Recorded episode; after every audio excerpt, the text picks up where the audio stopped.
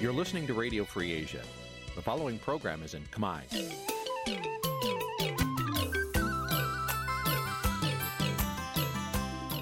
នេះជាកម្មវិធីផ្សាយ Vuthu Azizi Serai នេះជាកម្មវិធីផ្សាយរបស់ Vuthu Azizi Serai ជាភាសាខ្មែរ Vuthu Azizi Serai សូមស្វាគមន៍លោកអ្នកនាងទាំងអស់ពីរដ្ឋធានី Washington នៃសហរដ្ឋអាមេរិកពីរដ្ឋធានី Washington នាងខ្ញុំសុជីវីសូមជម្រាបសួរលោកអ្នកនាងអ្នកស្ដាប់វិទ្យុអាស៊ីសេរីទាំងអស់ជាទីមេត្រីយើងខ្ញុំសូមជូនកម្មវិធីផ្សាយសម្រាប់ព្រឹកថ្ងៃច័ន្ទពីកើតខែអាសត់ឆ្នាំថោះបัญចស័កពុទ្ធសករាជ2567ចាប់ដែលត្រូវនៅថ្ងៃទី16ខែតុលាគ្រិស្តសករាជ2023ជាដំបូងនេះសូមអញ្ជើញលោកអ្នកនាងស្ដាប់ព័ត៌មានប្រចាំថ្ងៃដែលមានមេត្តាដូចតទៅ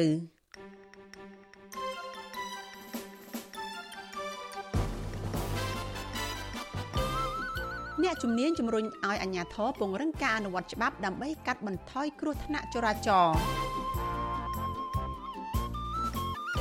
អ្នកវិភាគនយោបាយស្នើលោកហ៊ុនម៉ាណែតផ្សះផ្សាជាតិស្របតាមរិទ្ធបណ្ដាំរបស់អតីតព្រះមហាក្សត្រ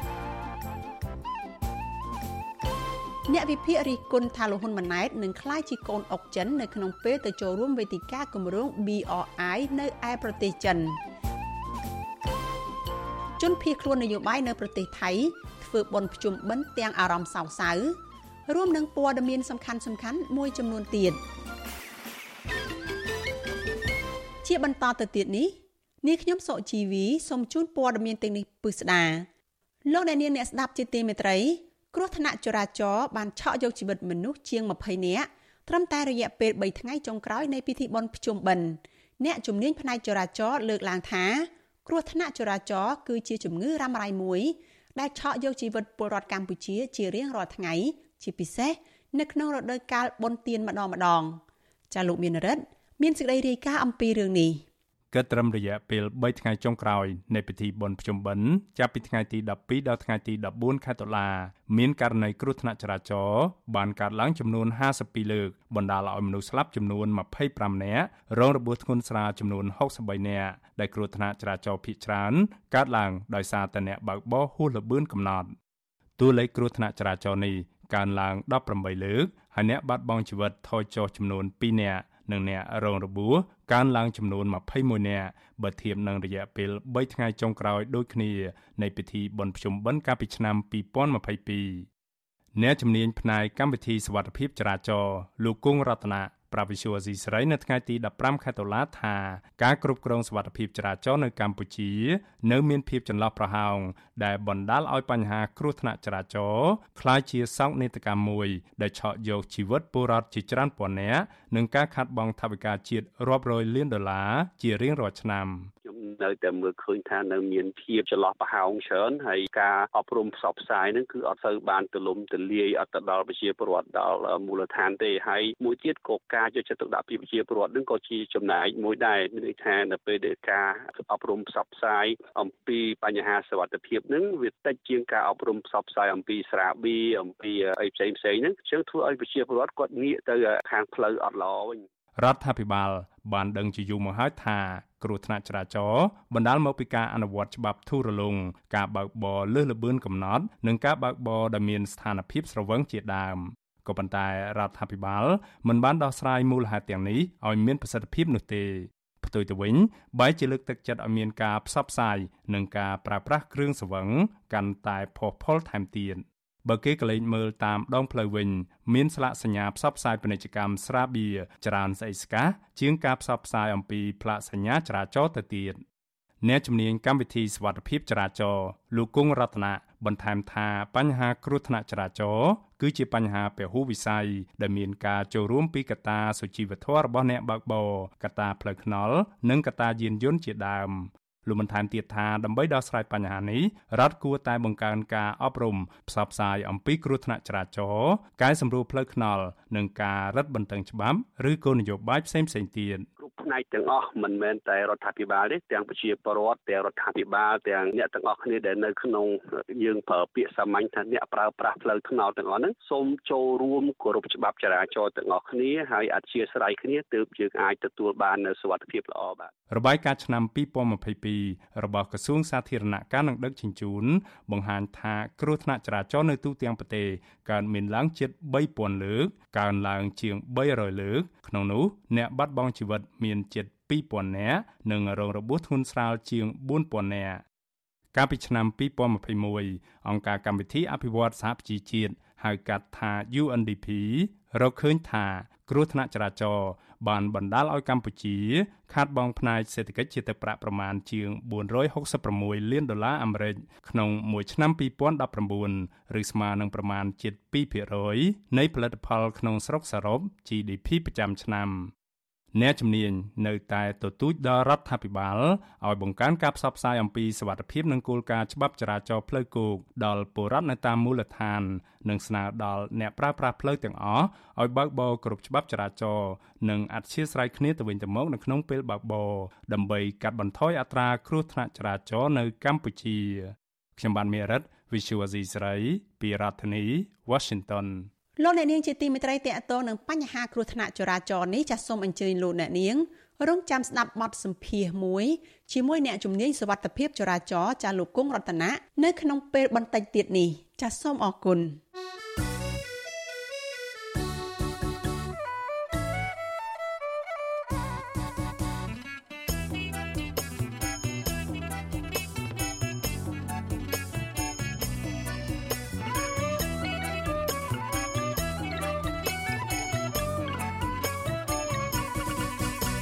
លោកនាងកញ្ញាប្រិយមិត្តអ្នកស្ដាប់ជាទីមេត្រីចាងាកមកព័ត៌មានតកតនពលរដ្ឋខ្មែរដែលកំពុងភៀសខ្លួននៅប្រទេសថៃវិញម្ដងជនភៀសខ្លួននយោបាយនៅប្រទេសថៃដែលគេចចេញពីការចាប់ខ្លួននិងការធ្វើទុកបុកម្នេញពីអាញាធរកម្ពុជាកន្លងទៅ បានធ្វើពិធីបុណ្យភ្ជុំបិណ្ឌដោយអារម្មណ៍សោកសៅនឹករលឹកឪពុកម្ដាយបងប្អូននៅមាតុភូមិដោយសារតែពួកគាត់មិនអាចទៅជួបជុំគ្នាដោយគ្រួសារពលរដ្ឋទូទៅបានមន្ត្រីសិទ្ធិមនុស្សជំរុញដល់អ្នកនយោបាយខ្មែរ ដោះស្រាយចំនួននយោបាយឲ្យបានឆាប់ដើម្បីជៀសវាងការគុំគួនសងសឹកព្រោះតែបពធបង្កើតការឈឺចាប់និងការពង្រត់គ្រួសាររបស់ពួកគេ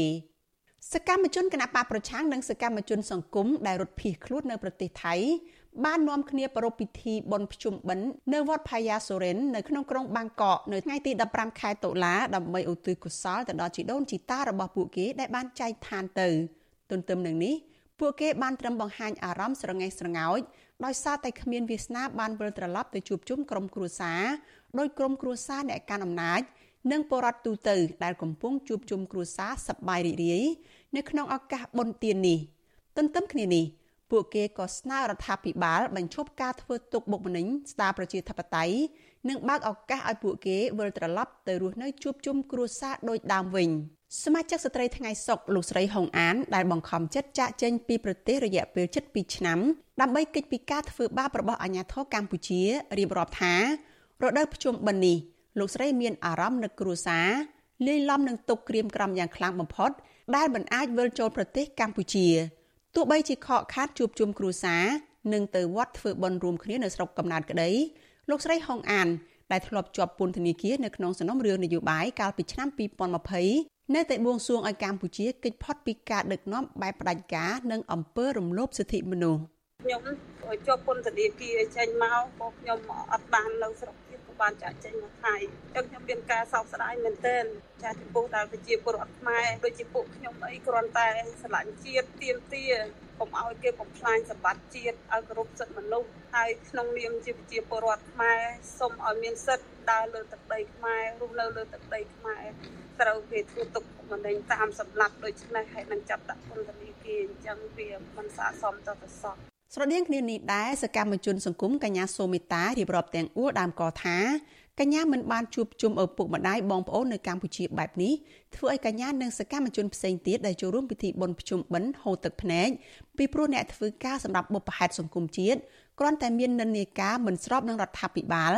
បែរជារងការធ្វើទុកបុកម្នេញតាមចាប់ខ្លួនបណ្ដាលឲ្យប្រត់ប្រាស់គ្រួសារបែបនេះមានការសោកស្ដាយហើយឈឺចាប់មែនទែនម្នាក់ម្នាក់គឺក្តុកក្តួលគឺថាយើងឃើញមុខគ្នាយើងហូរទឹកភ្នែកយើងមិនគួរណាដែល យើងត្រូវឃ្លាតឆ្ងាយពីសាច់ញាតិយើងដែលដែលទឹកដីកំណើតយើងយើងវាមិនគួរយើងគ្រាន់តែជាពលរដ្ឋនិយាយតែតងពីសិទ្ធិការពារទឹកដីការពារប្រជាពលរដ្ឋការពារសិទ្ធិមនុស្សត្រូវបានគេគំរាមកំហែងចាប់ដាក់គុកអ្នកម្នាក់ចេញពីគុកភ្លាមត្រូវភៀសខ្លួននេះដូចខ្ញុំហ្នឹងមកដល់ពេលនេះសកម្មជនសង្គមគណៈបកប្រឆាំងនិងសកម្មជនសិទ្ធិមនុស្សរួមទាំងអ្នកសារព័ត៌មានជាង100នាក់ កំពុងរត់ភៀសខ្លួននៅប្រទេសថៃការរត់គេចនេះដោយសារតែអាជ្ញាធរក្រុងភ្នំពេញតាមធ្វើបាបដោយការបង្ខំឲ្យចុះចូលជាមួយនឹងគណៈបកកណ្ដាលអំណាចការប្រើប្រាស់ប្រព័ន្ធតុលាការជាអាវុធតាមចាប់ចងចោតប្រកាន់និងការប្រើអំពើហិង្សាដោយលបវាយប្រហារលើរាងកាយជាដើមករណីទាំងនេះសហគមន៍ជាតិនិងអន្តរជាតិតែងតែចាត់ទុកថាជាការធ្វើទុកបុកម្នេញផ្នែកនយោបាយ វិទ្យុអាស៊ីសេរីមិនអាចតេតតណែនាំពាក្យគណៈបកប្រជាជនកម្ពុជាលោកសុកអេសាននិងប្រធានអង្គភិបណែនាំពាក្យរដ្ឋាភិបាលលោកប៉ែនបូណាដើម្បីឆ្លើយតបរឿងនេះបានទេនៅថ្ងៃទី15ខែតុលាជុំវិញរឿងនេះអ្នកនាំពាក្យសមាគមការពារសិទ្ធិមនុស្សអាត6លោកសង្សានករណាមានប្រសាសន៍ថាពិធីបុណ្យភ្ជុំបិណ្ឌបង្កើតឡើងនៅក្នុងគោលបំណងសម្រាប់ជួបជុំក្រុមគ្រួសារឯកភាពជាតិដែលរដ្ឋាភិបាល គួរយកឱកាសបុណ្យភ្ជុំបិណ្ឌនេះមកផ្សះផ្សាជាតិដោះលែងអ្នកទោសមនសិការបើកឱកាសឲ្យអ្នកភៀសខ្លួននយោបាយអាចវិលទៅជួបជុំក្រុមគ្រួសារឡើងវិញក្នុងឱកាសបុណ្យភ្ជុំបិណ្ឌនេះយើងឃើញថារូបភាពនេះ ខ្មែរយើងនៅតែមិនទាន់មានឯកភាពជាតិឡើយទេគឺនៅមាននិន្នាការរើសអើងគ្នាប្រកាន់គ្នាហើយធ្វើទុកបុកមិនដេញគ្នាឡើយអញ្ចឹងផលចំណេញហ្នឹងគឺมันបានមកកម្ពុជាយើងទេផ្ទុយទៅវិញគឺនាំឲ្យប្រជាពលរដ្ឋឬក៏អ្នកដែលគាត់មាននិន្នាការផ្សេងនៅតែរងទុកទុកហើយអ្នកខ្លះនិរិះប្រត់ប្រាស់គ្រួសារទៅនៅក្រៅប្រទេសអីបែបនេះវាជារឿងមួយដែលបង្កឲ្យសង្គមនឹងមិនអាចរស់នៅបានសុខទេ គឺរស់នៅក្នុងក្តីគុំគួនគ្នាទៅវិញទៅមកវាជារឿងមួយដែលមិនអាចធ្វើឲ្យសង្គមនឹងមានភាពល្អប្រសើរទេមន្ត្រីអង្គការសង្គមស៊ីវិលបញ្ជាក់ថាច្បាប់ជាតិនិងច្បាប់អន្តរជាតិសុទ្ធតែបានធានាពីសិទ្ធិសេរីភាពខាងនយោបាយរបស់ពលរដ្ឋហើយដូច្នេះរដ្ឋាភិបាលត្រូវបញ្ឈប់ការធ្វើទុកបុកម្នេញលើសកម្មជនបកប្រឆាំងហើយងាកទៅដោះស្រាយបញ្ហានយោបាយដើម្បីស្ដារប្រជាធិបតេយ្យនិងការគោរពសិទ្ធិមនុស្សឡើងវិញដើម្បីឲ្យប្រជាពលរដ្ឋមានសេរីភាពឡើងវិញ ក្នុងការប្រើប្រាស់សិទ្ធិសេរីភាពដែលពួកគាត់ពេញចិត្តនិងដើម្បីនាំមកនូវការអភិវឌ្ឍនិងការគោរពសិទ្ធិមនុស្សស្របតាមគោលការណ៍ប្រជាធិបតេយ្យ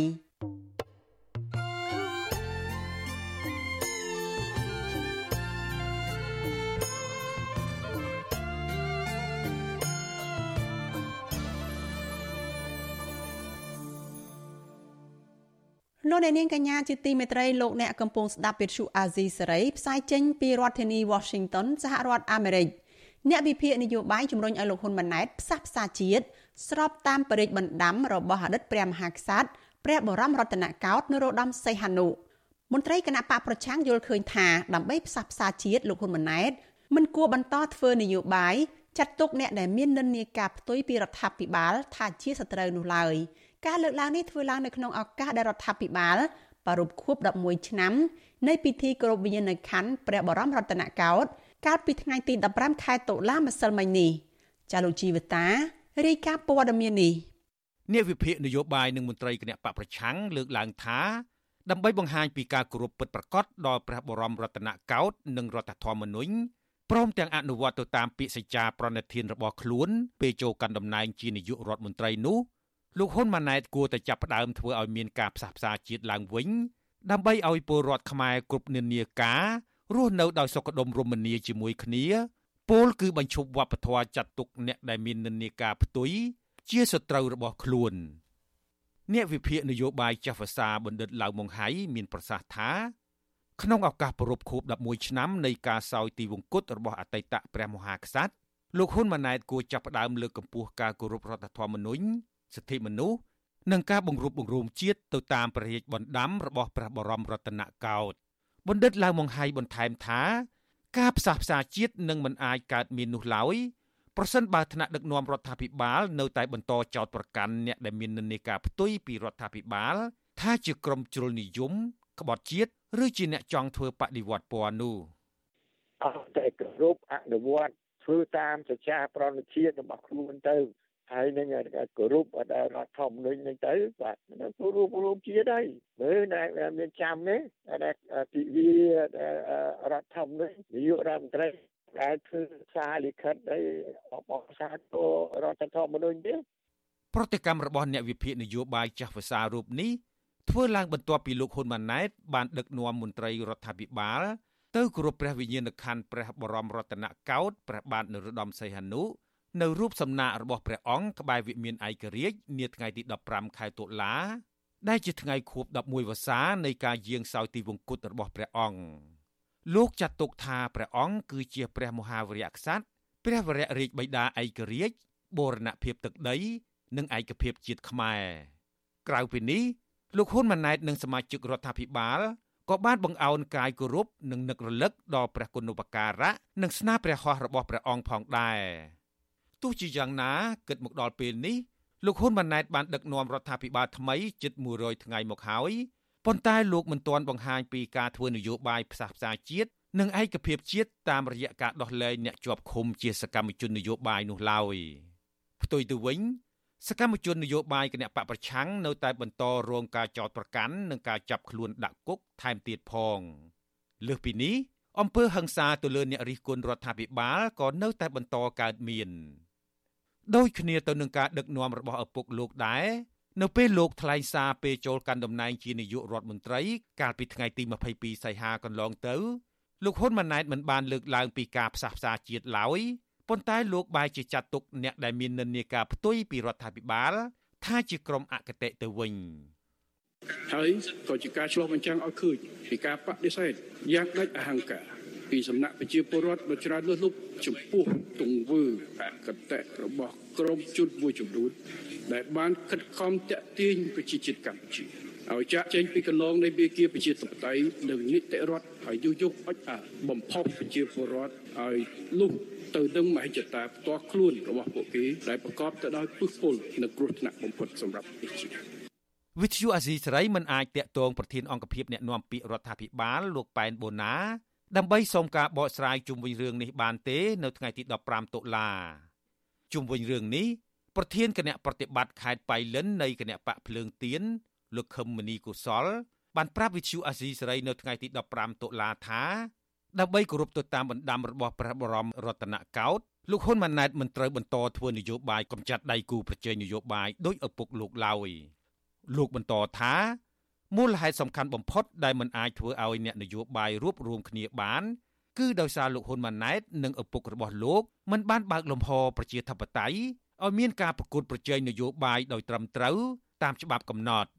ការផ្សះផ្សាជាតិនេះគឺជាចំណុចមួយសំខាន់ណាដែលអាចនាំទៅដល់ការងើបឡើងនៃសេដ្ឋកិច្ចជាតិរបស់យើងផងឈានទៅដល់ការគោរពសិទ្ធិមនុស្សបើកទូលាយលំហសេរីភាពទៅដល់គណៈបពប្រឆាំងដែលអាចធ្វើនយោបាយផ្សេងផ្សេងបានហើយការផ្សះផ្សាជាតិវាអត់អាចកើតមានឡើងទេបើយើងថាយើងគោរពប្រជាធិបតេយ្យយើងឲ្យមានតែមួយប៉ាំងវាមិនអាចទៅរួចបានអញ្ចឹងចំណុចត្រង់នេះគឺជាការនៅតែបន្តយល់ខុសរបស់ថ្នាក់ដឹកនាំយើងសពថ្ងៃនេះមានតែមួយមួយប៉ាហ្នឹងគឺជាចាត់ទុកថាជាការបង្រួបបង្រួមជាតិវាមិនមែនអញ្ចឹងទេព្រះបរមរតនកោដ្ឋប្របាទនរោត្តមសីហនុព្រះអង្គបានសោយទីវង្គតកាលពីថ្ងៃទី15ខែតុលាឆ្នាំ2012នៅប្រទេសចិន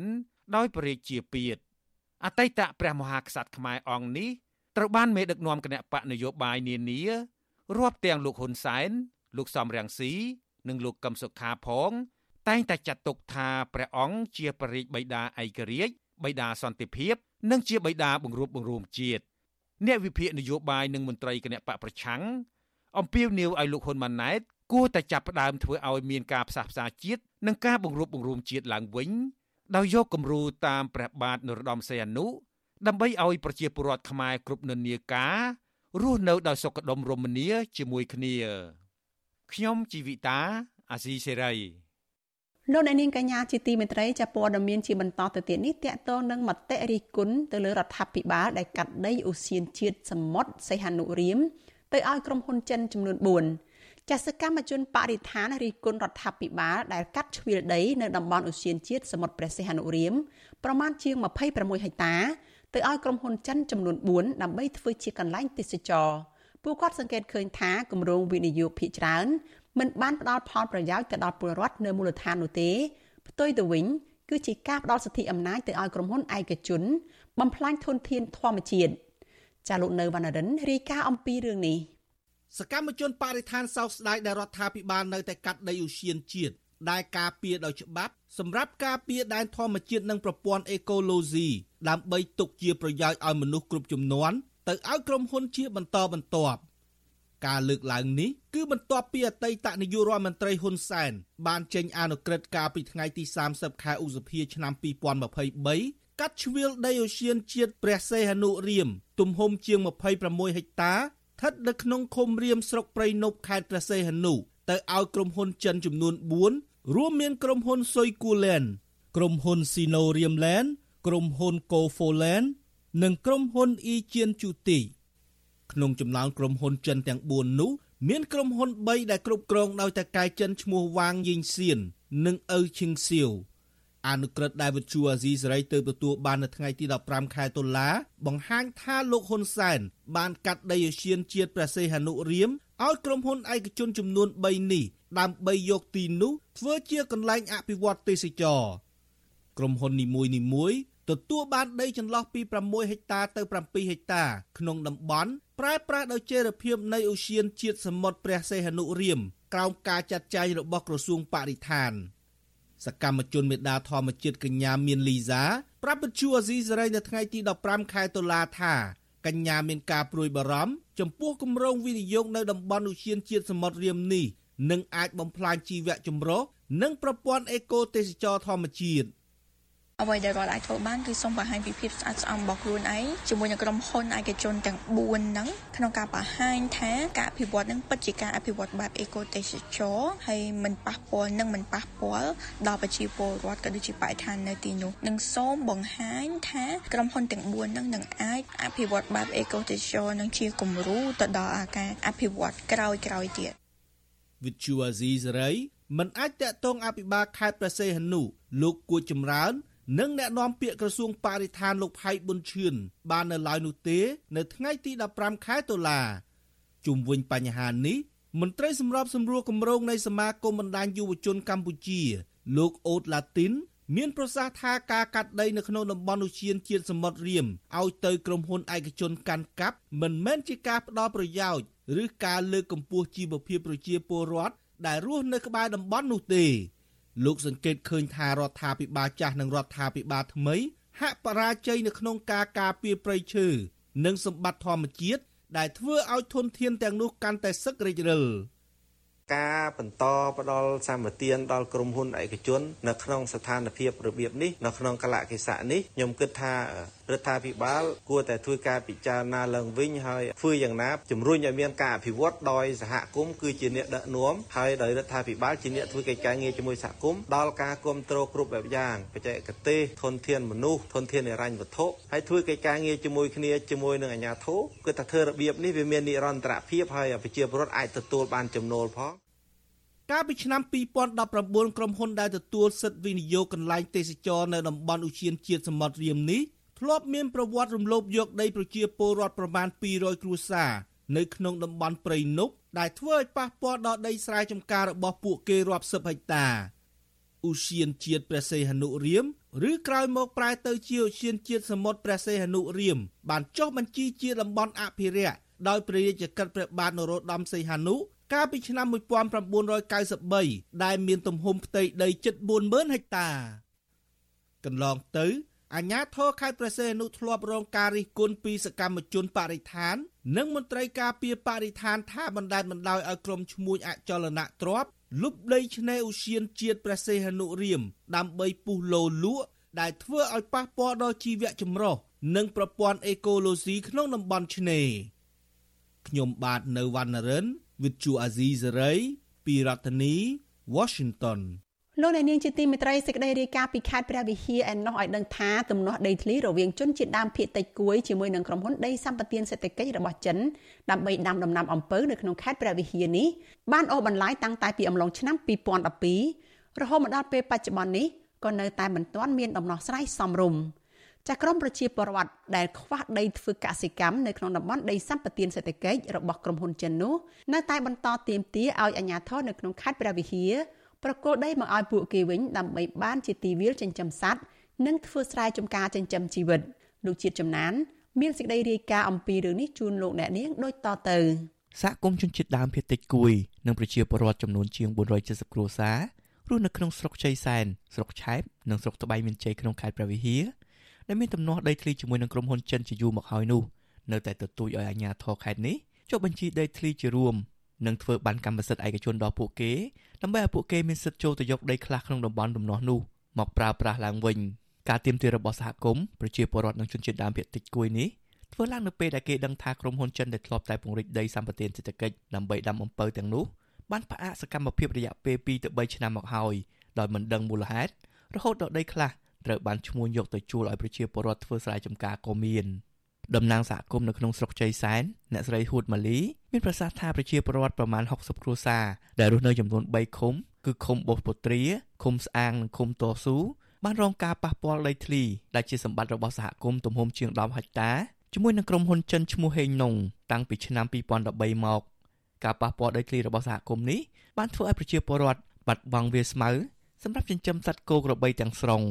អ្នកស្រីហ៊ុតម៉ាលីមានប្រសាសន៍ទៀតថាជាច្រើនឆ្នាំមកហើយ ប្រជាពលរដ្ឋនិងសហគមន៍តែងតែដាក់ពាក្យបណ្ដឹងទាមទារទៅក្រសួងរៀបចំដែនដីនគររូបនីយកម្មនិងសំណង់ទៅអាជ្ញាធរខេត្តព្រះវិហារនិងអាជ្ញាធរស្រុកជ័យសែនក៏ប៉ុន្តែនៅតែគ្មានដំណោះស្រាយ។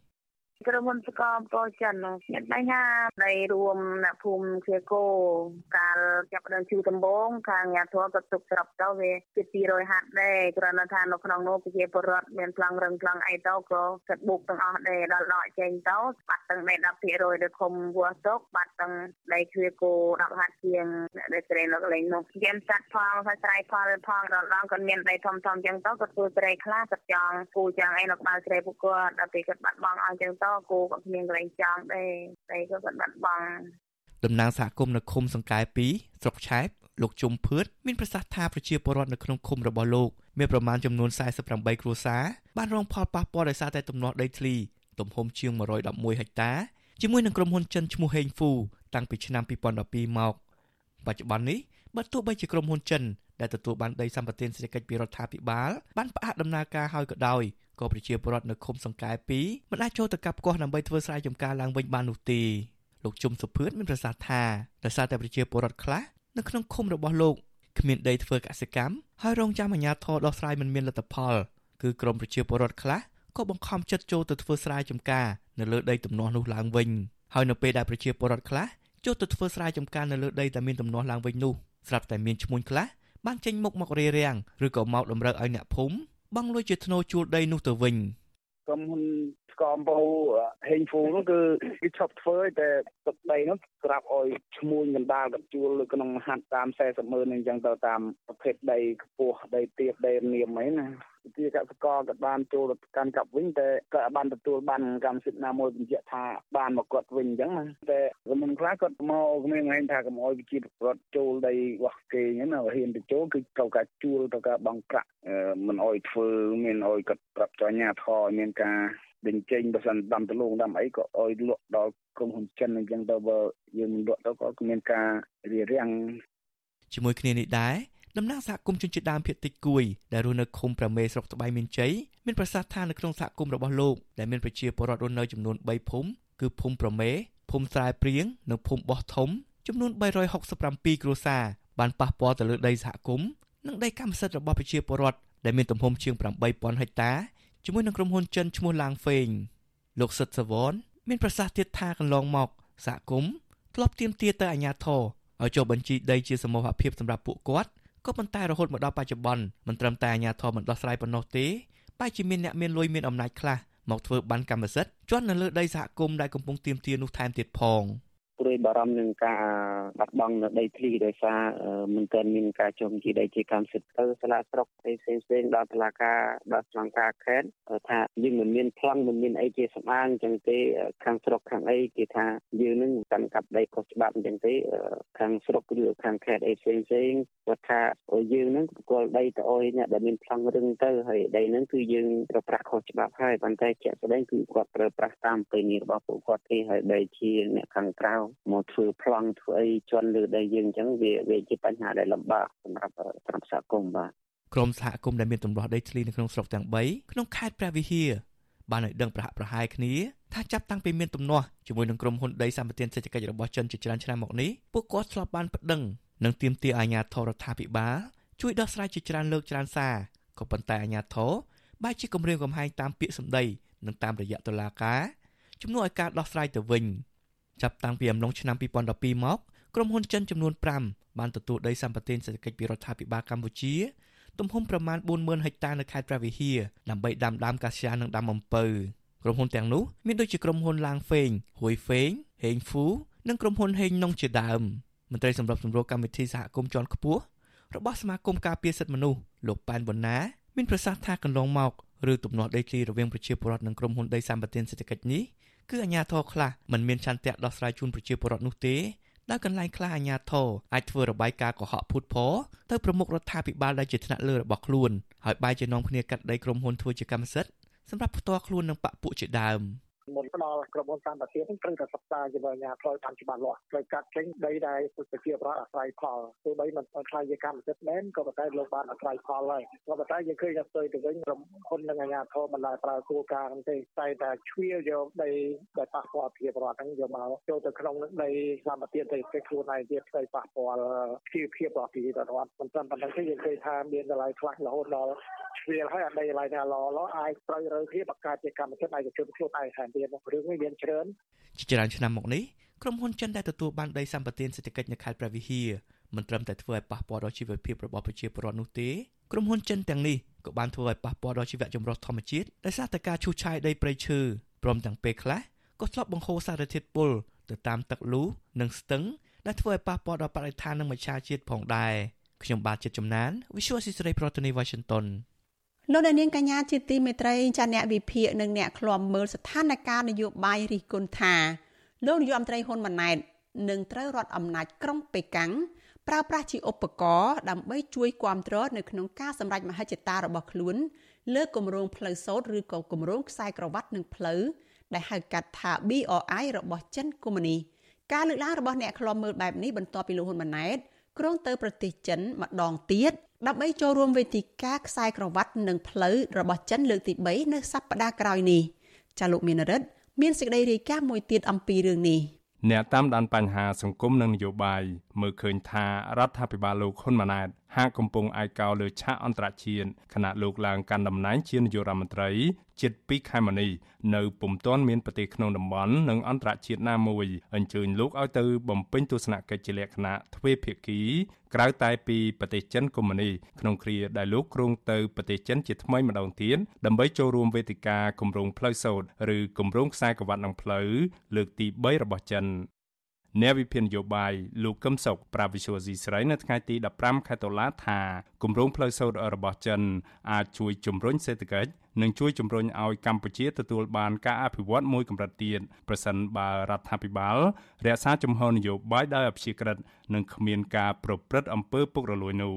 ក៏ប៉ុន្តែលោកថាប្រសិនបើរដ្ឋាភិបាលលោកហ៊ុនម៉ាណែតនៅតែបន្តគាំទ្រគម្រោងផ្លូវសូត្ររបស់ចិនដោយគ្មានកិត្តគូពីដំណាភៀបនោះ នោះកម្ពុជាមិនត្រឹមតែគ្មានការអភិវឌ្ឍជាតិប្រកបដោយចីរភាពនិងធ្វើឲ្យសង្គមមិនទទួលបានអភិបាលកិច្ចល្អនៅក្នុងគម្រោងផ្លូវសូត្ររបស់ចិនតែប៉ុណ្ណោះទេក៏ប៉ុន្តែថែមទាំងនាំឲ្យកម្ពុជាធ្លាក់ចូលក្នុងអន្ទាក់បំណុលរបស់ចិនវ៉ាន់កដកខ្លួនមិនរួចថែមទៀតផង ផលវិបាកធំបំផុតរបស់កម្ពុជាពីការសង់ផ្លូវសូត្រនេះនៅពេលដែលរដ្ឋាភិបាលហ៊ុនម៉ាណែតគិតតែផលប្រយោជន៍អំណាចគឺធ្វើឲ្យកម្ពុជាធ្លាក់ក្នុងអន្ទាក់បំណុលរបស់ចិនកាន់តែធំហើយចំពេលដែលរដ្ឋាភិបាលហ៊ុនម៉ាណែតនឹងពុករលួយថែមទៀតនោះផ្លូវសូត្រនេះវាទៅជាបំរើតែផលប្រយោជន៍នៃការដឹកវត្ថុធាតុដើមធនធានធម្មជាតិរបស់កម្ពុជាទៅប្រទេសចិន ហើយក៏ជាផ្លូវនាំទំនិញចិនចូលមកលក់ក្នុងកម្ពុជានិងប្រទេសនៅក្នុងតំបន់អាស៊ានតែប៉ុណ្ណោះ ក្រសួងការបរទេសកម្ពុជា កាលពីថ្ងៃទី14ខែតុលាប្រកាសថាលោកនាយរដ្ឋមន្ត្រីហ៊ុនម៉ាណែតនឹងទៅចូលរួមក្នុងវេទិកាគម្រោងខ្សែក្រវ៉ាត់និងផ្លូវ BRI លើកទី3នៅប្រទេសចិន ចាប់ពីថ្ងៃទី17ដល់ថ្ងៃទី18ខែតុលាលោកហ៊ុនម៉ាណែតក្រុងនឹងថ្លែងសន្ទរកថាស្ដីពីសេដ្ឋកិច្ច Digital ក្រៅពីនេះលោកក៏នឹងមានជំនួបទ្វេភាគីជាមួយប្រធានាធិបតីចិន លោកស៊ីជីនពីងនិងមន្ត្រីក្រាក់ក្រាក់របស់ចិនមួយចំនួនទៀត កាលពីពាក់កណ្ដាលខែកញ្ញាលោកហ៊ុនម៉ាណែតក៏បានទៅជួបប្រធានាធិបតីចិន លោកស៊ីជីនពីងនិងនាយករដ្ឋមន្ត្រីចិនម្ដងរួចមកហើយដើម្បីស្នើឲ្យចិន បន្តជួយគាំទ្រនយោបាយការទូតនិងសេដ្ឋកិច្ចក្រោមការដឹកនាំរបស់លោក ជាថ្នូវនឹងការសន្យាថាកម្ពុជានឹងបន្តអនុវត្តគោលនយោបាយចិនតែមួយនិងចាត់ទុកសំណុំរឿងនៅតំបន់ហុងកុងតៃវ៉ាន់និងតំបន់ស៊ីនជៀងជាកិច្ចការផ្ទៃក្នុងរបស់ចិន ទន្ទឹមនឹងនោះលោកក៏បានសន្យាបន្ស៊ីគ្នារវាងយុទ្ធសាស្ត្រខ្សែក្រវ៉ាត់និងផ្លូវ BOI របស់ចិនជាមួយនឹងយុទ្ធសាស្ត្របញ្ចកោណរបស់រដ្ឋាភិបាលកម្ពុជាអាណត្តិថ្មី វេទិកាខ្សែក្រវ៉ាត់និងផ្លូវសម្រាប់កិច្ចសហប្រតិបត្តិការអន្តរជាតិលើកទី3នេះមានគោលបំណងលើកកម្ពស់ការអភិវឌ្ឍសេដ្ឋកិច្ចនិងការតភ្ជាប់រវាងបណ្ដាប្រទេសនៅតាមបណ្ដោយផ្លូវពាណិជ្ជកម្មឬផ្លូវសូត្របុរាណក្រោមគម្រោងគំនិតផ្ដួចផ្ដើមខ្សែក្រវ៉ាត់និងផ្លូវ BOI ដែលលាតសន្ធឹងចាប់ពីអាស៊ីទៅអឺរ៉ុបនិងអាហ្វ្រិកឆ្នាំនេះគឺជាខួបលើកទី10នៃការបង្កើតគំនិតផ្ដួចផ្ដើមខ្សែក្រវ៉ាត់និងផ្លូវឬ BOI ប្រទេសចិនបានវិនិយោគទឹកប្រាក់មិនតិចជាង1000ពាន់លានដុល្លារឬជាង1ត្រីលៀនដុល្លារឡើយលើគម្រោងសរុបជាង3000គម្រោងនៅទូទាំងពិភពលោកគម្រោងទាំងនោះរាប់ចាប់តាំងពីការសាងសង់ពលានយន្តហោះផែសម្ចតទឹកជ្រៅផ្លូវថ្នល់ល្បឿនលឿនផ្លូវរថភ្លើងវារីអគ្គិសនី និងហេដ្ឋារចនាសម្ព័ន្ធជាច្រើនទៀត វិសុវអាស៊ីស្រីមិនទាន់អាចតាកតងណែនាំពាក្យក្រសួងការបរទេសកម្ពុជាលោកអានសុខឿនដើម្បីសាកសួរបន្ថែមជុំវិញរឿងនេះបានឡើយទេនៅថ្ងៃទី15ខែតុលាជុំវិញរឿងនេះអ្នកតាមដានភូមិសាស្ត្រតំបន់អាស៊ីអាគ្នេយ៍និងប៉ាស៊ីហ្វិកលោកសេងវ៉ាន់លីប្រាវិសុវអាស៊ីស្រីថាវេទិកាខ្សែក្រវ៉ាត់និងផ្លូវរបស់ចិន ជាមធ្យោបាយមួយដ៏សំខាន់ដែលប្រទេសចិនកុម្មុយនីពង្រីកអធិបតេយ្យរបស់ខ្លួននៅលើឆាកអន្តរជាតិ លោកវេតម្លៃថាគម្រោងវិនិយោគនៅកម្ពុជា ក្នុងគម្រោងផ្លូវសូត្រចិនភាគច្រើនផ្ដោតសំខាន់លើការលើកកម្ពស់ផលប្រយោជន៍ភូមិសាស្ត្រនយោបាយរបស់ចិន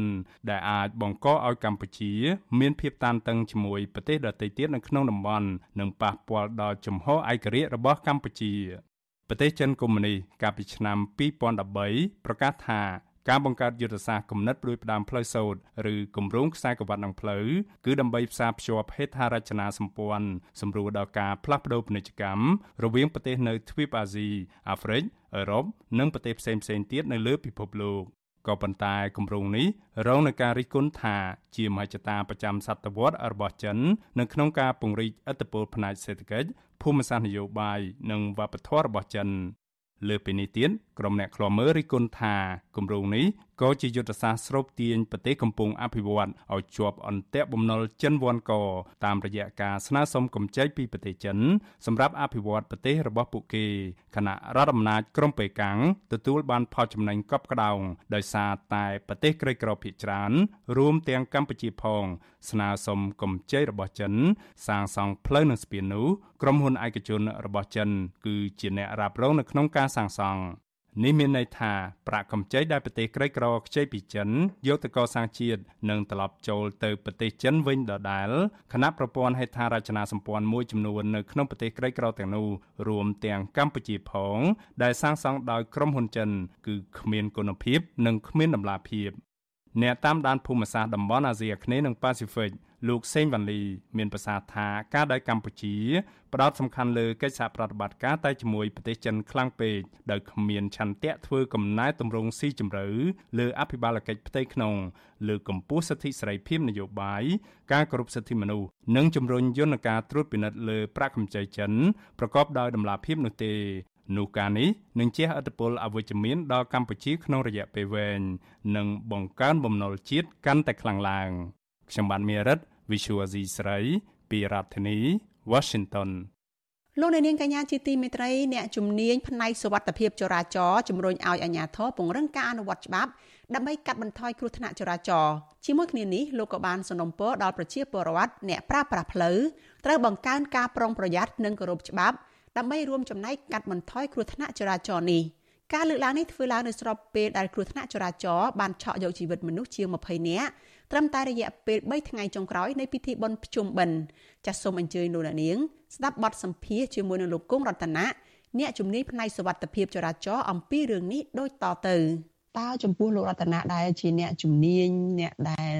ធ្លាប់មានបទពិសោធន៍ខាងការងារតាមដានគ្រោះថ្នាក់ចរាចរណ៍ហើយ គិតគូរពីសវត្ថភាពគ្រោះថ្នាក់ចរាចរណ៍នេះតើលោកមើលឃើញថាអ្វីខ្លះដែលអាចរៀនសូត្របាន ពីបញ្ហាគ្រោះថ្នាក់ចរាចរណ៍នៅក្នុងរយៈពេលចុងក្រោយនេះចា៎ខ្ញុំសូមជម្រាបថាបញ្ហាសវត្ថភាពចរាចរណ៍នឹងមិនមែនមានតែនៅក្នុងប្រទេសកម្ពុជាយើងនោះទេគឺមាននៅពេញទូទាំងពិភពលោកអឺដែលយោតាមរបាយការណ៍របស់អង្គការសុខភាពពិភពលោកគឺយើងឃើញថាក្នុងមួយឆ្នាំនឹងមានមនុស្សបានស្លាប់ប្រហែលជាមួយលាន3សែននាក់ ដោយសារគ្រោះថ្នាក់ចរាចរណ៍ហើយបើយើងនិយាយឲ្យស្រួលយល់នៅតាមដងផ្លូវទូទាំងពិភពលោករបស់យើងនឹងក្នុងរយៈពេល24វិនាទីនេះគឺមានមនុស្សម្នាក់បានស្លាប់អត់ហើយដោយសារគ្រោះថ្នាក់ចរាចរណ៍ហើយអ្នកដែលស្លាប់ភាគច្រើនដែលពាក់ព័ន្ធជាមួយនឹងគ្រោះថ្នាក់ចរាចរណ៍នឹងគឺជាក្រុមយុវវ័យដែលមានអាយុពី5ឆ្នាំឬក៏ជាជាសិស្សនិងជាកុមារនិងយុវជនដែលមានអាយុពី5ឆ្នាំរហូតដល់29ឆ្នាំ គឺជាភាគរយដែលមានអ្នកស្លាប់ច្រើនជាងគេក្នុងវ័យដែលល្អសម្រាប់សង្គមជាតិនៅពេលហ្នឹងឯងហើយជាក់ស្ដែងទៀតសោតគ្រោះថ្នាក់ចរាចរណ៍យើងក៏លេចមើលមកនៅក្នុងប្រទេសកម្ពុជាយើងយើងឃើញថាចំនួនអ្នកស្លាប់នៅក្នុងថ្ងៃធម្មតាជាមធ្យមនោះគឺមានចន្លោះពី4ទៅ5នាក់ក្នុងមួយថ្ងៃអញ្ចឹងបើយើងគិតទៅក្នុងមួយឆ្នាំយើងមានមនុស្សជិត2000នាក់បានបាត់បង់ជីវិតនៅតាមដងផ្លូវ នៅក្នុងប្រជារាស្ត្រកម្ពុជាយើងហើយបើយើងគិតពីក្នុងជាមធ្យមថាគ្រួសារមួយគ្រួសារមានគ្នា5នាក់ហើយបើយើងគិតទៅ2000នាក់វាច្រើនមែនតើប្រហែលជាជិត400គ្រួសារចឹង400គ្រួសារអាចថា2ភូមិយើងបាត់មនុស្សអស់2ភូមិរៀងរាល់ឆ្នាំនៅក្នុងមួយឆ្នាំមួយឆ្នាំដោយសារគ្រោះថ្នាក់ចរាចរណ៍វាជាសោកនាដកម្មមួយដែលយើងអត់ចង់ឃើញនោះទេបាទគឺយើងបានធ្វើការប៉ាន់ប្រមាណ ទៅលើការខាតបង់សេដ្ឋកិច្ចដោយសារគ្រោះថ្នាក់ចរាចរណ៍សម្រាប់ប្រទេសកម្ពុជាយើងនោះមានប្រមាណជាជាង400លានដុល្លារក្នុងមួយឆ្នាំសម្រាប់ខ្ញុំខ្ញុំគិតថាមិនត្រឹមតែបុណ្យប្រជុំបិណ្ឌយើងទេអឺពេលដែលបុណ្យចូលឆ្នាំខ្មែរឬក៏បុណ្យជាតិសំខាន់សំខាន់ហ្នឹងគឺចំនួនគ្រោះថ្នាក់ចរាចរណ៍នោះគឺតែងតែកើនឡើងហើយបើយើងនិយាយពីចំនួនអ្នកស្លាប់វិញភាគច្រើនគឺគុណនឹង2តែម្ដងបាទចឹងជាធម្មតា4នាក់យើងឃើញក្នុងរយៈពេល3ថ្ងៃមាន25នាក់បានស្លាប់ ហើយអ្នកដែលស្លាប់ទាំងអស់នោះយើងគិតទៅថាអត់មានអ្នកដែលចាស់ចាស់ទេគឺជាវ័យនៅក្នុងគេហៅផលិតភាពសេដ្ឋកិច្ចទាំងរដ្ឋាភិបាលទាំងអង្គការសង្គមស៊ីវិលខាងរូបលោកជាដើមឬក៏អង្គការផ្សេងផ្សេងទៀតដែលបារម្ភពីសវត្ថភាពចរាចរណ៍ហ្នឹងតែតែមានការផ្សព្វផ្សាយចំណេះដឹងហ្នឹងទៅដល់ប្រជាពលរដ្ឋចាឲ្យមានការប្រុងប្រយ័ត្នឲ្យយកចិត្តទុកដាក់ពេលដែលធ្វើដំណើរនឹងធ្វើយ៉ាងម៉េចបង្ការកុំឲ្យមានគ្រោះថ្នាក់ចរាចរណ៍ប៉ុន្តែហេតុអ្វីបានជាគ្រោះថ្នាក់ចរាចរណ៍នៅតែកើតមានច្រើនហើយចំនួនអ្នកស្លាប់នឹងនៅតែច្រើនចា៎ ការអប់រំផ្សព្វផ្សាយបើនៅតាមសហគមន៍យើងប្រឈមជាមួយនឹងបញ្ហាដោយសារអីអ្នកបើកបរពិតប្រកបគាត់ភាគច្រើនអត់បានចំណាយពេលចូលរួមនៅក្នុងវគ្គបណ្ដុះបណ្ដាលយើងដោយផ្ទាល់ទេភាគច្រើនគឺយើងអាចទៅសហគមន៍នោះយើងជួបតែស្ត្រីឬក៏លោកយាយដែលចាស់ចាស់នៅមើលចៅនៅតាមសហគមន៍អញ្ចឹងអញ្ចឹងយើងពិបាកមែនទែននៅក្នុងការធ្វើការផ្សព្វផ្សាយ ហើយជាងនឹងទៅទៀតអ្វីដែលយើងជួបផលលំបាកដែរនោះគឺកម្រិតចំណេះដឹងរបស់ប្រជាពលរដ្ឋយើងយើងមិនទាន់អាចដែលគាត់ថាអាចសិក្សាស្វ័យសិក្សាទៅលើការងារនឹងបានទេតែទៀមទាអញ្ចឹងសម្រាប់ខ្ញុំខ្ញុំធ្លាប់បានធ្វើកិច្ចសំណូមពរទៅដល់រដ្ឋាភិបាលថាបើសិនជាអាចយើងចង់ឲ្យមានកម្មវិធីអប់រំអំពីសុវត្ថិភាពចរាចរណ៍នឹងបាទបញ្ចូលទៅក្នុងកម្មវិធីអប់រំសម្រាប់សិស្ស តាំងពីថ្នាក់បឋមសិក្សាមកលោករតនៈតើការអនុវត្តច្បាប់នឹងនៅកម្រិតណាដែរហើយការកាត់បន្ថយឬក៏ការរឹតបន្តឹងការខ្សែគ្រឿងស្រវឹងរបស់អ្នកធ្វើដំណើរនៅកម្រិតណាដែរនៅតាមបណ្ដាប្រទេសមួយចំនួនជាពិសេសប្រទេសដែលជឿនលឿនហ្នឹងគឺការអនុវត្តច្បាប់ហ្នឹងតឹងមែនទែនហើយចំពោះគ្រឿងស្រវឹងវិញគឺដាច់ខាតតែម្ដងប៉ះសិនបើរកឃើញសិតមានទោសជាប់ពន្ធនាគារអីអញ្ចឹងទៅហើយ ការផ្សព្វផ្សាយគ្រឿងស្រវឹងទៀតសោតនៅតាមបណ្ដាប្រទេសជឿនលឿននេះគឺมันបើកទូលាយទេគឺប្រុងប្រយ័ត្នមែនទែនពីព្រោះថានៅក្នុងគោលដៅនឹងគឺដើម្បីកាត់បន្ថយគ្រោះថ្នាក់ចរាចរណ៍ដែលកើតឡើងទី1នឹងគឺការដែលមិនគោរពច្បាប់ទី2នឹងការខ្សែគ្រឿងស្រវឹងហើយនឹងការដែលមិនខ្លាចច្បាប់ឯជាដើមរតនា ខ្ញុំសូមជម្រាបថាបញ្ហាគ្រោះថ្នាក់ចរាចរណ៍នឹងវាមានធាតុផ្សំរបស់វា ទី1កត្តាមនុស្សទី2កត្តាផ្លូវថ្នល់និងបរិស្ថានហើយនិងទី3កត្តាយានយន្តបាទអញ្ចឹងកត្តាទាំង3នឹងឯងគឺរួមបញ្ចូលគ្នាគឺបង្កើតឲ្យមានគ្រោះថ្នាក់ចរាចរណ៍ភាគច្រើនជួនកាលអាចមកពីតែមួយជួនកាលអាចកត្តាទាំង3នឹងចូលគ្នា ខ្ញុំធ្លាប់បានផ្ដល់នៅជាគំនិតឬក៏ជាគេហៅជាវិធីសាស្ត្រសម្រាប់ដោះស្រាយបញ្ហាទាំងអស់ហ្នឹងមិនមែនថាជារបស់ខ្ញុំទេប៉ុន្តែយើងរៀនសូត្រពីប្រទេសជិតខាងក៏ដូចជាប្រទេសដែលគេជឿនលឿនហ្នឹងគឺដំណោះស្រាយនេះត្រូវឈរទៅលើមុំ3ដែលមុំទី1នោះគឺការអប់រំផ្សព្វផ្សាយនឹងឯងបានការអប់រំផ្សព្វផ្សាយគឺត្រូវធ្វើឲ្យបានជាប់លាប់ជាប់ជាប្រចាំឲ្យដល់ប្រជាពលរដ្ឋឲ្យគាត់ដឹងថានេះគឺជាបញ្ហាសំខាន់បំផុតដែលគាត់ត្រូវយកទុកដាក់បាទ ហើយបញ្ហាទី2នេះគឺយើងត្រូវធ្វើវិស្វកម្មដូចយើងនិយាយចឹងថាផ្លូវនៅក្នុងប្រទេសកម្ពុជាយើងមួយចំនួនហ្នឹងអត់ទាន់បានមានគំនុះសញ្ញាផ្លាកសញ្ញាត្រឹមត្រូវទេកន្លែងខ្លះនៅមានជំហុកកន្លែងខ្លះនៅរងគ្រោះដោយសារទឹកជំនន់ឬក៏អីអត់បានជួសជុលទេហើយ អញ្ចឹងហើយនឹងចំណុចទី3ដែលត្រូវដោះស្រាយគឺការរឹតបន្តឹងច្បាប់មានន័យថាជាការទាញឲ្យប្រជាពលរដ្ឋងាកមកគោរពច្បាប់នេះគឺជារឿងសំខាន់ហើយដូចយ៉ាងបងមានប្រសាសន៍ពីខាងដើមអញ្ចឹងនៅប្រទេសគេជឿនលឿនយើងឧទាហរណ៍ធម្មអាស៊ីយើងនៅសិង្ហបុរីប៉ះសិនបើគាត់ខ្សែគ្រឿងសង្វឹងគាត់នឹងជាប់ពីនៃច្រើនមែនតើដែលបើយើងគិតជាទឹកប្រាក់នោះគឺច្រើនខ្ញុំអត់បានចាំចំនួនប៉ុន្តែខ្ញុំជឿជាក់ថាច្រើនហើយនឹងមានការដាក់ទោសទណ្ឌអីផ្សេងផ្សេងទៀត នៅខាងយើងយើងកំពុងតែពិចារណាដូចគ្នាខ្ញុំធ្លាប់បានចូលទៅក្នុងក្រុមការងារតាក់ទងជាមួយនឹងវិស័យសុខភាពចរាចរណ៍ហ្នឹងគឺក្រុមការងារយើងចង់ធ្វើឲ្យទៅដូចប្រទេសគេជឿទឿនដែរក៏ប៉ុន្តែនៅពេលដែលយើងចាប់ផ្ដើមអនុវត្តការរឹតបន្តឹងច្បាប់យើងឃើញថាភាពចន្លោះប្រហោងមួយចំនួនបានកើតមានឡើងតាក់ទងជាមួយនឹងមន្ត្រីអនុវត្តច្បាប់ខ្លួនឯងនឹងជួនកាលគាត់អត់ទាំងយល់អំពីច្បាប់ចរាចរណ៍នឹងច្បាស់ផង គាត់ទៅជាយកច្បាប់ចរាចរណ៍នឹងធ្វើជាមុខរបររបស់គាត់គាត់អ្នកមួយចំនួនទៀតគាត់ព្យាយាម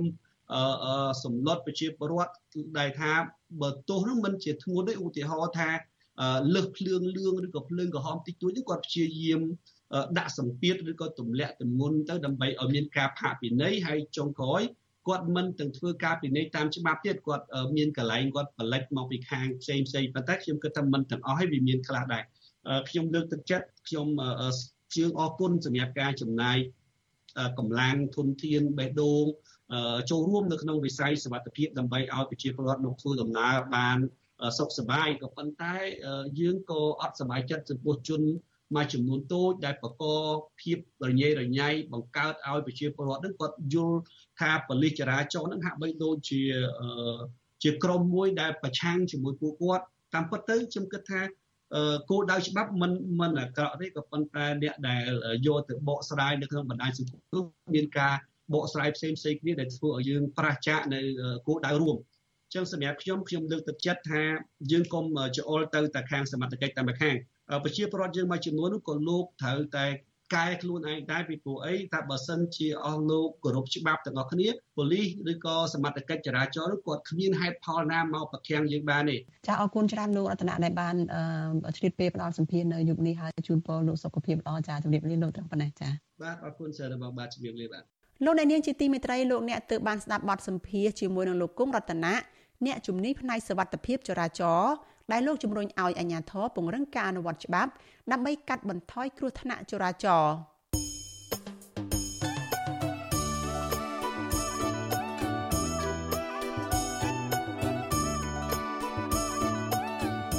លោកអ្នកនាងកញ្ញាជាទីមេត្រីដំណើរគ្នានឹងស្ដាប់ការផ្សាយរបស់ Vithu Azizi សេរីចាតាមបណ្ដាញសង្គម Facebook YouTube និង Telegram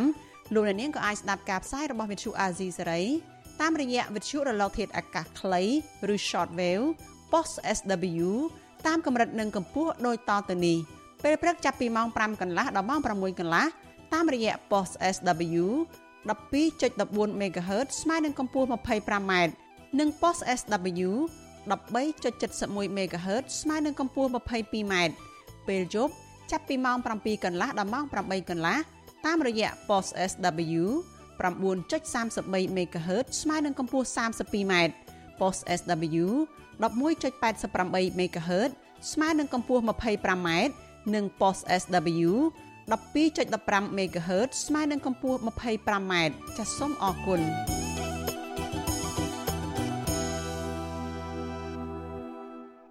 លោកនាងកញ្ញាជាទីមេត្រីព័ត៌មានពីខេត្តសៀមរាបឯណោះឲ្យដឹងថាការធ្លាក់ចុះភ្ញៀវទេសចរទៅទស្សនានៅតំបន់អង្គរយ៉ាងគំហុកនៅក្នុងរយៈពេល6ខែកន្លងទៅនេះចាត់ធ្វើឲ្យពលរដ្ឋនៅក្នុងខេត្តសៀមរាបខ្លះបង្ខំចិត្តចាក់ចោលមាតុភូមិកំណើតទៅធ្វើការនៅក្រៅប្រទេសដើម្បីរកប្រាក់ដោះបំណុលពលរដ្ឋចាត់ទុកវិបត្តិសេដ្ឋកិច្ចនិងបញ្ហាបំណុលនៅតែតាមលងបន្លាចដែលធ្វើឲ្យពួកគាត់មិនសូវហ៊ានចាប់អារម្មណ៍ ចូលរួមពិធីបុណ្យភ្ជុំបិណ្ឌជួបជុំក្រុមគ្រួសារដូចឆ្នាំមុនមុននោះទេចាអ្នកស្រីម៉ៅសុធានីរាយការណ៍ព័ត៌មាននេះ ជារៀងរាល់ឆ្នាំឲ្យតែគៀបពិធីបុណ្យភ្ជុំបិណ្ឌបរដ្ឋរស់នៅខេត្តសៀមរាបតែងតែជួបជុំបងប្អូន ធ្វើបុណ្យទានយ៉ាងសប្បាយរីករាយក៏ប៉ុន្តែពិធីបុណ្យប្រពៃណីជាតិឆ្នាំនេះ អ្នកភូមិមួយចំនួនបែរជាមានកង្វល់រឿងបញ្ហាបំណុលហើយបង្ខំចិត្តចាក់ចោលស្រុកកំណើតទៅធ្វើការនៅក្រៅប្រទេសយ៉ាងប្រថុយប្រថាន បើគេធ្វើដំណើរទៅតំបន់ជនបទនៅរដូវបុណ្យកាន់បិណ្ឌឆ្នាំនេះក្នុងស្រុកប្រាសាទបាគងស្រុកសូត្រនិគមស្រុកបន្ទាយស្រីនិងស្រុកស្វាយលើខេត្តសៀមរាបពុំសូវមានមនុស្សច្រើនកកកដូចឆ្នាំមុនមុននោះឡើយក៏ប៉ុន្តែបែរជាឃើញផ្ទះអ្នកភូមិខ្លះដាក់ស្លាកលក់ដីនិងលក់ផ្ទះជ្រងច្រាង ហើយដីស្រែចម្ការរបស់អ្នកភូមិខ្លះទៀតក៏បានដាក់ស្លាកលក់ជាបន្ទាន់នោះដែរ បើទោះបីជាអ្នកភូមិបង្ខំចិត្តដាក់ស្លាកលក់ទ្រព្យសម្បត្តិគេពុំម្ដាយក្នុងតម្លៃថោកក្រោមទីផ្សារក្តីក៏ពុំសូវមានអ្នកចាប់អារម្មណ៍សួររកទិញនោះដែរបរដ្ឋម្នាក់រស់នៅស្រុកសូត្រនិគមលោកកឹមសៃប្រាប់វិទ្យុស៊ីស្រីនៅថ្ងៃទី11ខែតុលាថាស្ទើរគ្រប់តំបន់បញ្ជាបរដ្ឋធ្វើចំណាក់ស្រុកស្ងាត់ភូមិដោយសារតែការប្រកបមុខរបរការងារក្នុងស្រុកបរាជ័យ លោកថាស្ទើរតែគ្រប់ភូមិក្នុងស្រុកស្វាយលើ ដែលធ្លាប់តែមានមនុស្សអ៊ូអរបែរជាស្ងាត់ឈឹងសូម្បីតែក្នុងពិធីបុណ្យកាន់បិណ្ឌភូមិណានរត់សឹងទៅទាំងអស់បដ ாய் នេះខ្វះខាតនឹកឃើញថាសេដ្ឋកិច្ចពីមុនវាធូរធារក៏រោបានសប្ងៃសេដ្ឋកិច្ចធ្លាក់ទៅរត់បានខ្លះគិតទៅទាំងគ្រួសារក៏បដ ாய் ត្រឹមតែសេដ្ឋកិច្ចយើងធ្លាក់ចុះខ្លាំងនេះបាន ខ្លះគិតដូចថាទើរលុយបងអង្ការបានមុនធ្លាប់រោងខ្មែរបានដល់សេដ្ឋកិច្ចខ្មែរធ្លាក់ក៏ទៅដោះស្រាយនៅប្រទេសគីសិនបើក្រឡេកមើលទស្សនវិជ្ជាប្រជាប្រដ្ឋរស់នៅ ក្រុងសៀមរាបឯនោះវិញក៏ពុំសូវខុសគ្នាពីតំបន់ជនបទប៉ុន្មានដែរផ្សារទំនើបសន្តាគារនិងកន្លែងផ្ដល់សេវាកម្មទេសចរជាច្រើនទៀតក៏បានបិទទ្វារជាបន្តបន្ទាប់បណ្ដាលឲ្យប្រជាជាច្រើនពាន់នាក់បាត់បង់ការងារ ស្ទើរតែគ្រប់ដងផ្លូវក្នុងក្រុងសៀមរាបមានលំនៅឋានដីធ្លីរថយន្តផ្ទះសម្បែងជាច្រើនបានបិទស្លាកលក់ជាបន្តបន្ទាប់រីឯក្រុមហ៊ុនទទួលទ្រព្យបញ្ចាំវិញ រួមមានប្លង់ផ្ទះកាត់គ្រីរថយន្តម៉ូតូនិងកង់ជាដើមក៏មានអ្នកទៅដាក់ទ្រព្យសម្បត្តិបញ្ចាំជាច្រើនដែរដើម្បីយកប្រាក់ដោះបំណុលមួយគ្រាប្រតិបត្តិការវិស័យទេសចរលោកអាងឆាល សង្កេតឃើញថាពិធីបុណ្យភ្ជុំបិណ្ឌឆ្នាំនេះប្រជាប្រដ្ឋភាគច្រើនចាយវាយត្បិតត្បៀតដោយសារតែពួកគាត់ពុំសូវមានថវិកាច្រើនដូចឆ្នាំមុនមុនលោកថាបច្ចុប្បន្នប្រាក់ចំណូលរបស់ពលរដ្ឋកំពុងធ្លាក់ចុះយ៉ាងខ្លាំងហើយធ្វើឲ្យពួកគាត់ជួបការលំបាកច្រើនសូម្បីតែវត្តអារាមក៏ពុំសូវមានពុទ្ធបរិស័ទច្រើនដែរអត់សូវមានមនុស្សទេនៅវត្តហ្នឹងគឺស្ងាត់ ហើយណាមួយនៅតាមផ្លូវក៏អត់សូវមានមនុស្សច្រើនកកកដូចឆ្នាំកន្លងទៅទេណាអត់សូវមានទេនៅតាមហូតែលស្លាប់តែឆ្នាំមុនមុនទៅប៉ុណ្ណេះហ្នឹងភ្ញៀវមកសួរបន្ទប់កក់បន្ទប់ពេញពេញឥឡូវអត់មានទេប្រជាពលរដ្ឋម្នាក់ទៀតនៅស្រុកស្វាយលើខេត្តសៀមរាបលោកសោមវុធីដឹងថាលោកកំពុងពិចារណាទៅធ្វើការនៅប្រទេសថៃដោយសារតែមុខរបរដែលជាប្រភពចំណូលពីវិស័យទេសចរនៅតែយ៉ាប់យ៉ឺន លោកយល់ឃើញថាប៉ះសិនបរដ្ឋាភិបាល ចង់កាត់បន្ថយបរិវត្តធ្វើចំណាក់ស្រុក គួរតែកាត់បន្ថយទំនិញនាំចូលពីក្រៅប្រទេស ដោយបង្កើនការផលិតក្នុងស្រុក និងលើកកម្ពស់តម្លៃកសិផលក្នុងស្រុកឲ្យមានប្រសិទ្ធភាព កណ្ដាលសេដ្ឋកិច្ចមិនដើរហើយតែថាការនាំចូលច្រើនជាងការនាំចេញទៅក្រៅប្រទេសហើយគឺជាពលរដ្ឋយើងរកឲ្យបានហើយត្រូវតំណែងយើងធ្វើនិយាយថាស្រូវណាគឺកើតបានថោកទៅគឺបានបាក់ចុះថោកទៅវាអាស្រ័យទៅលើឈ្មោះលើមាត់ទៅវាស្ថិតនៅលើច្បាប់ចឹងគឺចឹងកន្លះយ៉ាងម៉េចក៏បាន ឆ្លើយតបរឿងនេះអ្នកនាំពាក្យក្រសួងទេសចរលោកតបសុភ័ក្រមានប្រសាសន៍ថាបច្ចុប្បន្នភ្ញៀវទេសចរនៅខេត្តសៀមរាប កំពុងស្ថិតក្នុងដំណាក់កាលងើបឡើងវិញ ដោយសារតែមិនទាន់មានភ្ញៀវទេសចរច្រើននៅឡើយទេ ដោយក្នុងមួយថ្ងៃមួយថ្ងៃ មានភ្ញៀវទេសចរចន្លោះពី1000ទៅ1500នាក់ប៉ុណ្ណោះលោកក៏បានបញ្ជាក់ថាភ្ញៀវទេសចរនៅតិចតួចនៅឡើយបើធៀបទៅនឹងភ្ញៀវទេសចរមកទស្សនាតំបន់អង្គរកាលពីឆ្នាំ2019មុនពេលដែលផ្ទុះជំងឺ Covid-19 មានភ្ញៀវទេសចរចន្លោះពី8000ទៅ9000នាក់ក្នុងមួយថ្ងៃ។ លោកបន្ថែមទៀតថាចាប់តាំងពីខែតុលានេះតទៅអាចនឹងមានភ្ញៀវទេសចរកើនឡើងក្នុងពេលដែលមានពលានយន្តហោះអន្តរជាតិនៅខេត្តសៀមរាបថ្មីបើកដំណើរការក្រសួងទេសចរមិនបាននៅស្ងៀមទេខំប្រឹងប្រែងណាជាពិសេសអាដាមរដ្ឋមន្ត្រីសុកសុកេនឹងលោកខិតខំប្រឹងប្រែងធ្វើការតាក់ទងសម្របសម្រួលជាមួយក្រសួងស្ថាប័នពាក់ព័ន្ធទាំងអស់ក្នុងការស្ដារវិស័យទេសចរទូទាំងប្រទេសរបស់យើងក៏ដូចជាខេត្តសៀមរាបដូចគ្នា ទោះយ៉ាងណាមន្ត្រីសង្គមស៊ីវិលបន្តទទូចឲ្យរដ្ឋាភិបាលស្ដារប្រជាធិបតេយ្យឡើងវិញ ដើម្បីបើកផ្លូវឲ្យអ្នកវិនិយោគនិងភ្ញៀវទេសចរមកពីបណ្ដាប្រទេសលោកសេរីមកកាន់កម្ពុជាកាន់តែច្រើន ដើម្បីលើកស្ទួយសេដ្ឋកិច្ចជាតិនិងកាត់បន្ថយបរិវត្តចំណាក់ស្រុកជុំវិញរឿងនេះដែរប្រធានមជ្ឈមណ្ឌលប្រជាពលរដ្ឋដើម្បីអភិវឌ្ឍនិងសន្តិភាពលោកយងកំឯងបារម្ភថាការថយចុះភ្ញៀវទេសចរនេះ និងប៉ះពាល់ធ្ងន់ធ្ងរដល់ប្រព័ន្ធសេដ្ឋកិច្ចកម្ពុជា គឺជាពិសេសគឺបរដ្ឋរស់នៅខេត្តសៀមរាបលោកថារដ្ឋាភិបាលគួរតែមានវិធានការអន្តរាគមឲ្យកន្លែងផ្ដល់សេវាកម្មទេសចរទាំងអស់គ្រប់គ្រងតម្លៃសមរម្យទាំងសេវាស្នាក់នៅម្ហូបអាហារនិងសន្តិសុខសុវត្ថិភាពជាដើម គេមកគេចាយវាយថោកមានតម្លៃថោកអញ្ចឹងប្រហែលជាគេអាចនឹងសម្រក់មួយច្រើនយើងក៏ចំណេញបានច្រើនដែរបាទអញ្ចឹងអាចគិតពីលទ្ធភាពទាំងអស់ហ្នឹងដើម្បីអឺទាក់ទាញទេសចរឲ្យបានច្រើនមកទីកម្ពុជាឡើងវិញ កាលពីចុងខែកញ្ញាលោកនាយករដ្ឋមន្ត្រីហ៊ុនម៉ាណែត បានថ្លែងថាកម្ពុជាបានកត់ត្រាភ្ញៀវទេសចរអន្តរជាតិចំនួន3លាន5សែននាក់ក្នុងរយៈពេល8ខែដំបូងនៃឆ្នាំ2023ហើយដែលកើនឡើងជាង250%បើធៀបទៅនឹងឆ្នាំ2022ក៏ប៉ុន្តែក្រសួងទេសចរអះអាងថាចំនួនភ្ញៀវទេសចរថយចុះច្រើន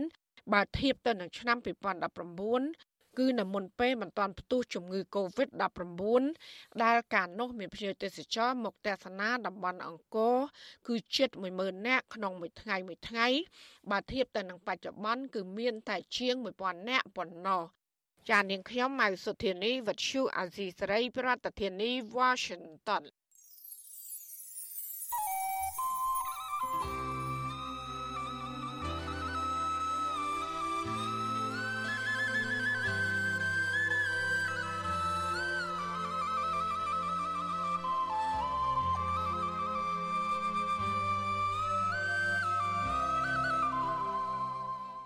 លោកអ្នកនាងកញ្ញាជាទីមេត្រីការផ្សាយរយៈពេល1ម៉ោងរបស់វិទ្យុអាស៊ីសេរីជាភាសាខ្មែរនៅព្រឹកនេះ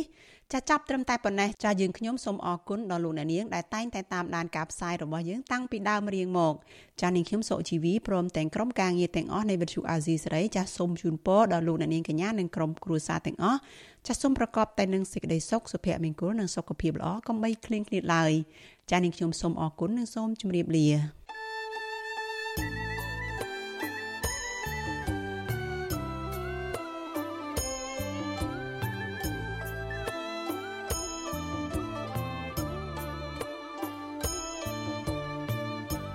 វិទ្យុអាស៊ីសេរីផ្សាយតាមរលក ធាតុអាកាសខ្លីតាមកម្រិត និងកម្ពស់ដូចតទៅនេះពេលព្រឹកចាប់ពីម៉ោង5កន្លះដល់ម៉ោង6កន្លះតាមរយៈប៉ុស SW 12.14 MHz ស្មើនឹងកម្ពស់ 25m និងប៉ុស SW 13.71 MHz ស្មើនឹងកម្ពស់ 22m ពេលយប់ចាប់ពីម៉ោង7កន្លះដល់ម៉ោង8កន្លះតាមរយៈប៉ុស SW 9.33 MHz ស្មើនឹងកម្ពស់ 32m ប៉ុស SW 11.88 MHz ស្មើនឹងកម្ពស់ 25m និងប៉ុស SW 12.14 MHz ស្មើនឹងកម្ពស់ 25m លោកអ្នកនាងក៏អាចស្ដាប់និងទស្សនាការផ្សាយផ្ទាល់នៅលើគេហទំព័ររបស់ Vuthu Azizi Saray តាមរយៈអាស័យដ្ឋាន rfa.org/ ខ្មែរក្រៅពីនេះលោកអ្នកនាងក៏អាចអាននិងទស្សនាព័ត៌មាន Vuthu Azizi Saray លើទូរស័ព្ទដៃរបស់លោកអ្នកផ្ទាល់ សូមលោកអ្នកនាងដំឡើងកម្មវិធី Vithu Azisaray នៅលើទូរស័ព្ទដៃរបស់លោកអ្នកនាងឬស្វែងរក Vithu Azisaray នៅលើ YouTube ឬ Facebook ដោយស្វែងរកពាក្យថា Vithu Azisaray ឬ RFA ខ្មែរ